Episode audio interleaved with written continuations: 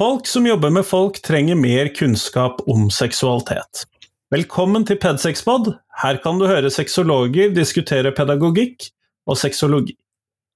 Pedsexpod er en forkortelse for Pedagogisk sexologipodkast. Du som lytter, jobb, jobber kanskje i skole, barnehage eller institusjon, eller du er sexolog selv. I studio i dag så er det jeg, Kristian Lomsdalen, eh, doktorgradsstipendiat i religionsdidaktikk og lektor med videreutdanning i seksualitetsundervisning, og Hanne Grasmo, sosiolog, lektor, doktorgradsstipendiat og forfatter av Kjærlighetsboka, en bok for unge om sex. Sammen med Marita Andersen, som ikke kunne delta i dag, sitter denne gjengen i pedagogisk utvalg ved Norsk forening for klinisk sexologi. Og i dag så tenkte jeg, Hanne, at vi skal snakke om tosomhetsnormen og den forventningen som veldig mange mennesker i vårt samfunn har til at vi mennesker enten befinner oss i en sånn um, enhet av to, eller at det er det vi ønsker, og det er det høyeste målet for enten livet i det hele tatt, eller for samlivet spesielt, eller hvordan vi skal forholde oss til andre mennesker. Eller for å ta det fra den motsatte siden, altså relasjonsmangfold og poli og polyamori. Altså, vi, skal, vi skal forklare noe om det, tror jeg. Ja, og det, her så er du bedre enn meg, tror jeg, men eh, når vi da snakker om poli og polyamori hva slags type relasjoner er det vi da snakker om? Ja, nå har jeg lyst til å legge meg der hvor Poli Norge ligger. Fordi at de inkluderer alle som bryter med denne uh, normen av å være to. Altså alle som lever på forskjellige måter. Ofte så tenker man polyamori, da betyr det at man har et kjærlighetsforhold til flere enn én. Og det kan man ha alene eller sammen med den partneren man har. Eh, men poli, som et sånt paraplybegrep, betyr jo også folk som har åpne forhold. Altså man er i et, et fast tosomhet, da. Men man har flere partnere utenom, liksom i tillegg, som krydder. Og det kan også bety swingers, altså folk som seksuelt har flere partnere enn én. Men da kanskje ikke kjærlighetsforhold? Kanskje ikke kjærlighetsforhold. Mm. Men denne normen for at vi skal være to stykker i, i disse parforholdene, da, eh, mm. som noe som samfunnet forventer, det ser vi også ganske tydelig i en del både filmer og hvordan vi snakker om dette med å være singel også. Altså, mm. eh, de som da ikke har en partner på noe som helst plan, men som mm. kanskje har venner eller andre relasjoner eller mm. den type ting, men ingen kjærlighetsrelasjoner, så er jo det noe som da må fikses eller håndteres eller gjøres noe med. Ja, absolutt. Ja, ja. Og, og, der tenker jeg vi også er litt amerikanisert. Jeg føler på en måte at det var lettere å være uh, ugift resten av livet, uten å liksom noen, noen spurte deg om det før, enn det det er nå. Nå er det liksom en stor krise. Ikke sant? Altså, hvis du, blir du 30 uten, ja det er litt vanskelig, men du skal i hvert fall ikke bli 40 uten liksom ha funnet helst den ene, da. Det er fremdeles den der romantiske forestillingen med at det er liksom den ene rette. Selv om det er jo nesten ingen som lever sånn. Altså nesten ingen i Norge som lever med den ene rette hele livet. Nei, og dette temaet er, tenker jeg jo er viktig å snakke om for oss som jobber med folk. Yep. Fordi at uh, vi skal jo da forholde oss til enten det er brukere eller pasienter eller elever eller foreldre eller innsatte eller alle disse ulike menneskegruppene som har alle disse ulike familiene. Eller ja, så, mangel på dem. ja, og så står du der da som en lærer eller uh, som en uh, ansatt, og så, så, tar du bare for gitt at her er vi mor, far og barn. Kanskje du har kommet så langt at du tenker å ja, det kan være noen av samme kjønn. At det er hele variasjonen, og så glemmer du at folk lever i veldig mange familier. Så det er jo liksom den ene grunnen å faktisk møte familiene der de er. Men den andre er, nå tok jeg en, eh, en sjekk over alle læremålene som har med familie å gjøre, eh, hvis vi snakker om skolen. Og da har vi jo både samfunnsfag, KRLE og eh, helse- og livsmestring, som har mange Altså, det er mange læremål som går på mangfold i relasjoner, mangfold i familier. Altså, allerede fra samfunnsfag kompetansemål etter andre klasse, så er det beskrive og gi døme på mangfold i Norge, med vekt på ulike familieformer og folkegrupper. Ulike familieformer, altså allerede fra annen klasse skal du vite at det er andre altså forskjellige måter enn tosomheten å leve i en familie. Sånn leser jeg det i hvert fall. Ja, og da har vi storfamilien med bestemor og bestefar boende i samme hus, og så har vi alenemor. Ja, vi, trenger vi noe mer enn det, da? Ja, altså, som jeg sier, sammekjønnsforeldre, ikke sant. Ja. Men, men det der med flere voksne i en familie, det trenger ikke nødvendigvis være folk som er poli eller lever poli. Du kan f.eks. ha er, Bare i min vennekrets så har jeg jo flere lesbepar og, og homopar som har barn sammen, f.eks. Altså, da er de fire voksne. Eller at du har en som er en donor til familien, som allikevel er en del av familien, så du har tre voksne uten at de er kjærester med hverandre i det hele tatt. Eller skilsmissefamilier hvor alle er en stor, lykkelig familie med ekser og nåværende og dine og mine og våre barn, ikke sant. Ja, og sånn som i, Jeg har jo nettopp hatt et barn som har feiret konfirmasjon, og så skal vi feire en ny konfirmasjon neste vår. Mm. Og da var det Vi kunne ikke ha det tradisjonelle bordsetet med sånn eh, konfirmant, foreldre, besteforeldre sånn rundt bordet, mm. fordi at vi kom fram til at det var elleve besteforeldre, besteforeldre i den konfirmasjonen. Vi ja. hadde ikke plass, de måtte fordeles annerledes. Ja, og, og, og, dette må jo snakke om som Dette er oss, altså dette er de av oss. Disse, disse barna finnes jo i alle klasser. Som ikke har bare to foreldre og fire besteforeldre. ikke sant? Så, så, det er jo den ene. Men den andre som jeg tenker er viktig, er at vi skal jo gjøre barn og ungdom i stand til å finne ut hva slags liv vil jeg leve. Vil jeg leve tosom, vil jeg leve med én? Vil, vil, jeg leve med ingen, men bare date rundt med masse? Eller drømmer jeg om å ha en sånn kollektivfamilie med fem stykker? Altså, at det i det hele tatt går an! Vi må liksom ha noe annen drøm enn Askepott og prinsen, på en måte, fordi det blir så ekstremt puttet inn gjennom media, gjennom populærkulturen, så er det som du sier tosomhetsnormen. Så vi må jo også vise det store koldtbordet. Hva slags liv vil du leve? Det er mulig at en del eh, mennesker, når de da tenker at de skal Enten lærere som da skal fortelle om alle disse familieformene, da, eller mm. hvis man da som ansatt i et fengsel eller som mm. samtalepartner et eller annet sted skal eh, møte noen og så prøve å ha et åpent sinn eh, for hva de kan hva disse menneskene de skal prate med, har av relasjoner. Det kan være ganske krevende å skulle klare å formidle dette på en måte uten å rødme, tror jeg. I hvert fall for lærerens del. Jo, men da tror jeg det er fordi at sånn som det er med alle som bryter normer, så er det liksom, så tenker man sex med en gang. Så tenker man liksom at oi, hvis det sitter tre voksne ved frokostbordet Oi, de har trekant, og nå handler det om sex. Eh, nei, det dreier seg like mye om kjærlighet som om eh, mor og mor eller mor og far sitter ved det bordet.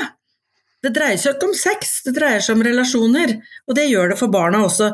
Sånn at jeg tror det er læreren som ofte tenker at å, guri meg, hvis det liksom er flere enn to, så er de, hva, hva jeg vet, promiskiøse. De er litt sånn Ja, de, de puler hele tiden. ja, jeg, jeg tror liksom, Det er assosiasjonene, og da trenger man jo litt opplysning. Og det er jo derfor vi prater her, ikke sant. Og og også politisk sett så er jo dette blitt et spørsmål. Så hvis man bare skal ta opp politiske partier og hva de mener, så er det jo flere partier som f.eks. nå går inn for at det er flere enn to juridiske foreldre skal være mulig. Og dette er jo rett og slett i skilsmissefamilier for at flere skal følge opp også, men også fordi at det er f.eks. en kvinne som er gift med en mann, og så har hun en annen mann som er kjæresten hennes, og de tre bor sammen. Og når hun da får barn med kjæresten, så går jo det umiddelbart som hennes ektemanns barn. Og, det, det, og, også det at ved dødsfall det, så er det jo også fint hvis det har vært tre eller fire fungerende foreldre, så har de som ikke har biologi eller ekteskap, de har null eh, rettigheter. Og noen polyamorøse, altså som har to eller flere kjærester, de vil jo ikke oppgi hvem er far? Vi er f.eks. de er begge far, da, hvis det er en kvinne vi snakker om. Det er litt mer obvious at det er mor som er mor. det er jo det. Et eller annet sted kom den ungen ut. ja. Men, men, eh, og en måte man kan ta opp dette på, er selvfølgelig å henvise til som jeg sa, politiske partiers program, eller Poli Norge, da, som er jo en ganske ny organisasjon. Jeg husker ikke, er det 2016? 2016. Ja, ja. Du har nettopp snakket med dem, så du vet det. De ble dannet i 2016, og nå har de jo liksom blitt organisert litt mer. De har en ansatt sekretær. De er ganske mye media, flinke i media, så man kan jo invitere de eller se på nettsidene deres.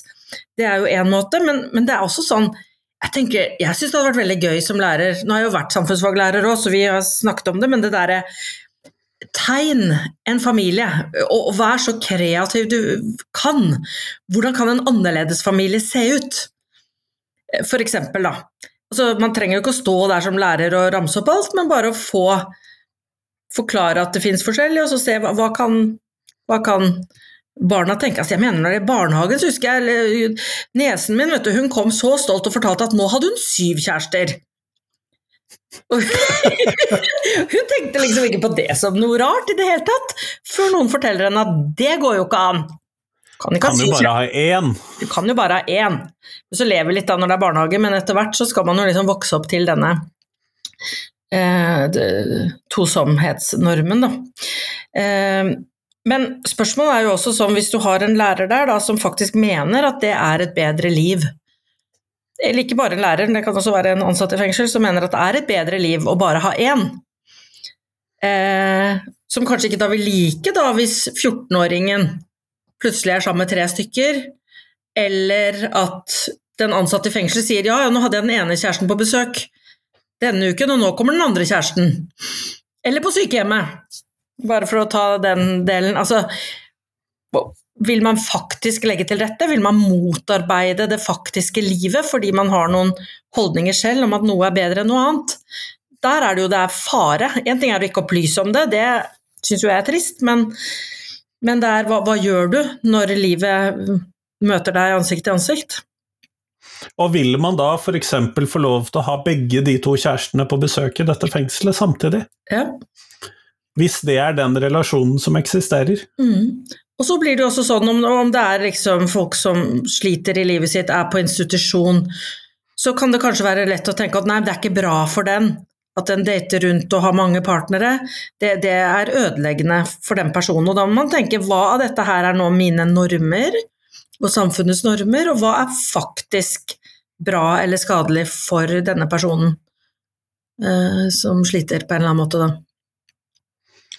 Ja, og det tror jeg kan være vanskelig for oss å gjøre en god bedømmelse ut ifra, for det er jo de som har, hva skal vi kalle det, uheldig et, Legger til seg et uh, handlingsmønster, også seksuelt, mm. uh, for oss som en mestringsmåte for uh, dette livet, mens for andre så kan det være veldig fint.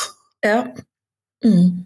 Og Da hører jeg at vi er rett over i noe som krever at vi får inn en fa annen fagperson senere. Vi har noen gode ideer for det. Ja, på overgrep og sånn, ja. Ja, og uheldig seksuell atferd og en del sånne ting. Men, mm. Så der må vi jo kanskje det. Men hva tenker du er følgende hvis vi ikke snakker om til elevene våre om at det finnes et så stor bredde i familier som det det faktisk kanskje til og med er i det klasserommet. Ja, nei, Det verste er jo den der at man får en sånn utenforskapsfølelse, at man ikke tør å fortelle læreren om ja, men faren min har jo både en kjæreste og moren min, liksom.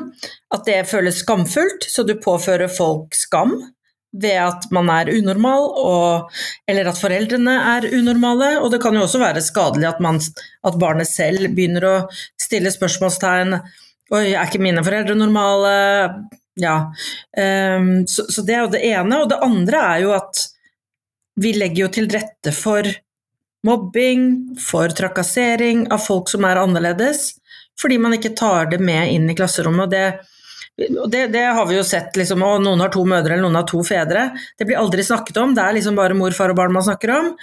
Eh, og da legger man jo til rette for at folk skal kunne si stygge ting til det barnet om eh, deres familie, da. Så, mm. Mm. En ting som jeg tenker at dette også går utover, da, det er denne tosomhetsnormen. Eh, uten at vi skal gå helt eh, til poli der ennå, mm. så vil det jo være at man kanskje da underkjenner de livene til de som er aromantiske og aseksuelle i ulike variasjoner. Ja, at man kan leve livet uten en annen person, f.eks. Ja. Eller som vennskap, ikke som uh... Ja, platoniske forhold som mm. den store livsrelasjonen, ja. Ja ja, det går også an. Absolutt. Så, sånn at Men hovedutfordringen nå syns jo jeg er at vi snakker for lite om relasjoner, om kjønn, om seksualitet i klasserommet. Det er jo derfor vi har denne poden. Eh, men det er liksom litt av vitsen var nettopp det der at jeg, jeg, ville, se at her er det faktisk mange læremål du trenger å gjøre om det. Altså Det er det samme å ikke være en del av fellesskapet. Der har du samfunnsfag etter fjerde år. Samtale om, om identitet, mangfold og fellesskap, og reflektere over hvordan det kan oppleves å ikke være en del av fellesskapet, f.eks. Og det er jo da alt fra eh, mobbing, vennskapssituasjoner, utestengelse, ja. til familiesammensetninger og mye mer. Ja, og, og, særlig KRLE, der er det jo flere kompetansemål som går på det og ulike måter å leve sammen på i familie. Mangfold i familie. Eh, altså eh, Sånn at der er det mange muligheter til å, å Hvor det faktisk er liksom Man skal snakke om mangfold i familie. Og da mener jeg da kan du nesten ikke unngå å snakke om at familier er mangfoldige. Sånn, jeg, sånn som det ser ut, så er det mange steder hvor, hvor, faktisk her som ikke er seksualitetsundervisning engang, som, som jo dreier seg om bare eh, mangfold i, i levesett. da. Ja, jeg har begynt nå i det siste å omtale skolens seksualitetsundervisning som skolens seksualitets-, kjønns-, identitets- og mangfoldsundervisning i en sånn håpløs 20 cm lang beskrivelse. Høres ut som du driver med doktorgrad her, Kristian. Ja. Det gjør det. det, gjør det. men, men, det jeg også tenker på, at når vi snakker om relasjonsmangfold, så er det jo også eh, forskjellen på liksom å velge hvordan man lever, og noen jobber jo også for det som at poli er en identitet. Altså mono, jeg kan bare forelske meg i én og leve sammen med én, og poli, jeg har evnen til å forelske meg i flere. Eh, og, og identitet er jo noe man definerer selv, selv om identitet alltid er jo kategorier der ute i samfunnet, så nå finnes det en kategori, så nå kan man grabbe identiteten poli. Mens for meg så dreier det seg mer om, om friheten til å velge eh, hvordan man vil leve og hva slags relasjoner man vil ha. Og da tenker jeg at vi må innom et begrep nå tenker jeg for, for de voksne her, men også for de eldre klassene, som heter etisk ikke-monogami. Fordi mange når de tenker poli, eller liksom at man ikke er monogam, så tenker man at man er utro. At man går bak ryggen. Men etisk ikke-monogami, det betyr at alle er informert, alle er enige at dette er måten vi gjør dette på. Um, sånn at du, ja. hvis du da eh, skal ha sex med noen ny, eller innlede et nytt forhold med noen, mm -hmm. så forteller du det til de du allerede er i relasjoner med, mm. og du opplyser også til den nye at du, jeg har disse her også. Ja, absolutt. Så når man inngår et forhold, så er det, så, liksom er det da etisk å si du, jeg er poli, eller jeg har en kjæreste fra før, eller ja. Så man ikke lurer noen. Um, og den andre delen med det etiske er jo at det er likeverdige forhold. Fordi her eh, liksom, Hva er forskjellen på polyamori og polygami? Og det trenger ikke å være forskjell, men det der polygami er jo flergifte og å ha én som er giftet med flere, og det er nettopp ofte det det er. Det er bare e- ett kjønn, da som regel mann, som kan ha flere koner. Og da er det ikke jevnbyrdig, fordi det er ikke frihet for de andre til å ha andre kjærester eller andre partnere. Og da er det ikke eh, jevnbyrdig. Og da vil de som uh, jobber da i Poli-Norge eller for polyamori, vil si at dette er ikke, uh, dette er ikke en etisk form for polyamori, da, eller. Ja, og det, dette er jo da noe som da krever at man som lærer eller fagperson i andre sammenhenger holder tunga ganske rett i munn, fordi at dette er jo ganske Mm. like begreper, og det kan jo være med på å gjøre dette skumlere enn det kanskje egentlig er for de Mm. som jobber med dette. For de som virkelig er interessert i etisk eh, ikke-monogami, så må vi komme med et bokforslag også. Og den heter 'Ethical Slut'. Nå har jeg glemt eh, forfatterne, det pleier jeg å vite.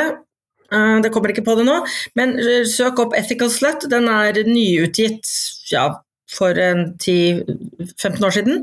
Men- Janet Hardy og Dossie Easton. Ja, og, og den er helt fantastisk om nettopp dette her, altså hvordan er man etisk ikke-monogam.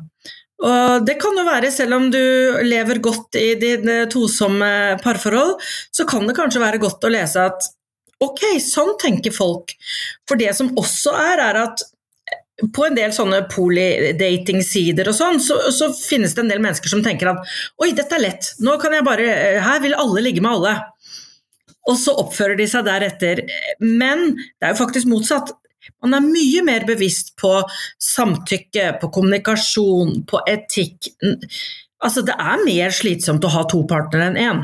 Eller det krever i hvert fall mer tid med å snakke med alle, sørge for at alle har det bra. ikke sant? Så man må faktisk være god, man må ha gode relasjonsskills eller evner. Eh, hvis man tenker det er ikke sånn og, og det er også litt sånn at folk som sier de er poli, da, da tenker alle 'å ja, bli med meg hjem i kveld'. Og, og, fordi det er nettopp den der forestillingen om at 'å ja, man er åpen for å ligge med alle'. Mens ofte så er man veldig, veldig sær og vil bare ha folk med samme verdier som seg selv eh, osv. Så, videre. så det, det er ikke nok de letteste å sjekke opp, tror jeg. Men dette blir jo da litt sånn krevende i det møtet, da, når vi da skal sitte i det klasserommet, Mm. eh, og så skal vi Eller kanskje det ikke egentlig er krevende, men man må ha kanskje den tosomhetsnormen i bakhodet og tenke over at den er med på oss og informerer språket vi bruker når vi møter elevene eller når vi Mm. snakker om disse familieforholdene. Det er kanskje det som er det viktigste. Ja, altså jeg tror når læreren bare vet For jeg tenker at det er mange lærere som knapt vet hva poli er i det hele tatt. Så hvis du ikke vet om det, så kan du ikke undervise om det heller, eller møte folk med det. Så første steg er jo at man er sånn noenlunde informert. Og det andre tenker jeg at det er ganske enkelt, uten å gå dypere inn på det, også bare å si 'det finnes'. Altså, det finnes noen som har flere enn én kjæreste, også i Norge i dag. Da har du sagt setningen, i hvert fall. Du har åpnet for rommet, selv Ja. om du kanskje høres litt dømmende ut. Ja, nei, det vet jeg ikke, men liksom Ja, for det blir jo de andre, det er ikke liksom de av oss som har flere kjærester, men det finnes noen mennesker sånn og sånn, det finnes noen mennesker som lever hele livet uten en fast partner, det finnes Ikke sant, altså mm, Ja. Eh, Litt må vi kunne gi av en grunnleggende informasjon, tenker jeg, i klasserommet, også for små barn. og ja, det, det ingen Vi voksne tror at disse barna syns dette er så fælt og vanskelig, men de syns jo ikke det. For de har jo ikke enda den to, eh, tosomhetsnormen så strengt befestet som det vi har som voksne. Da.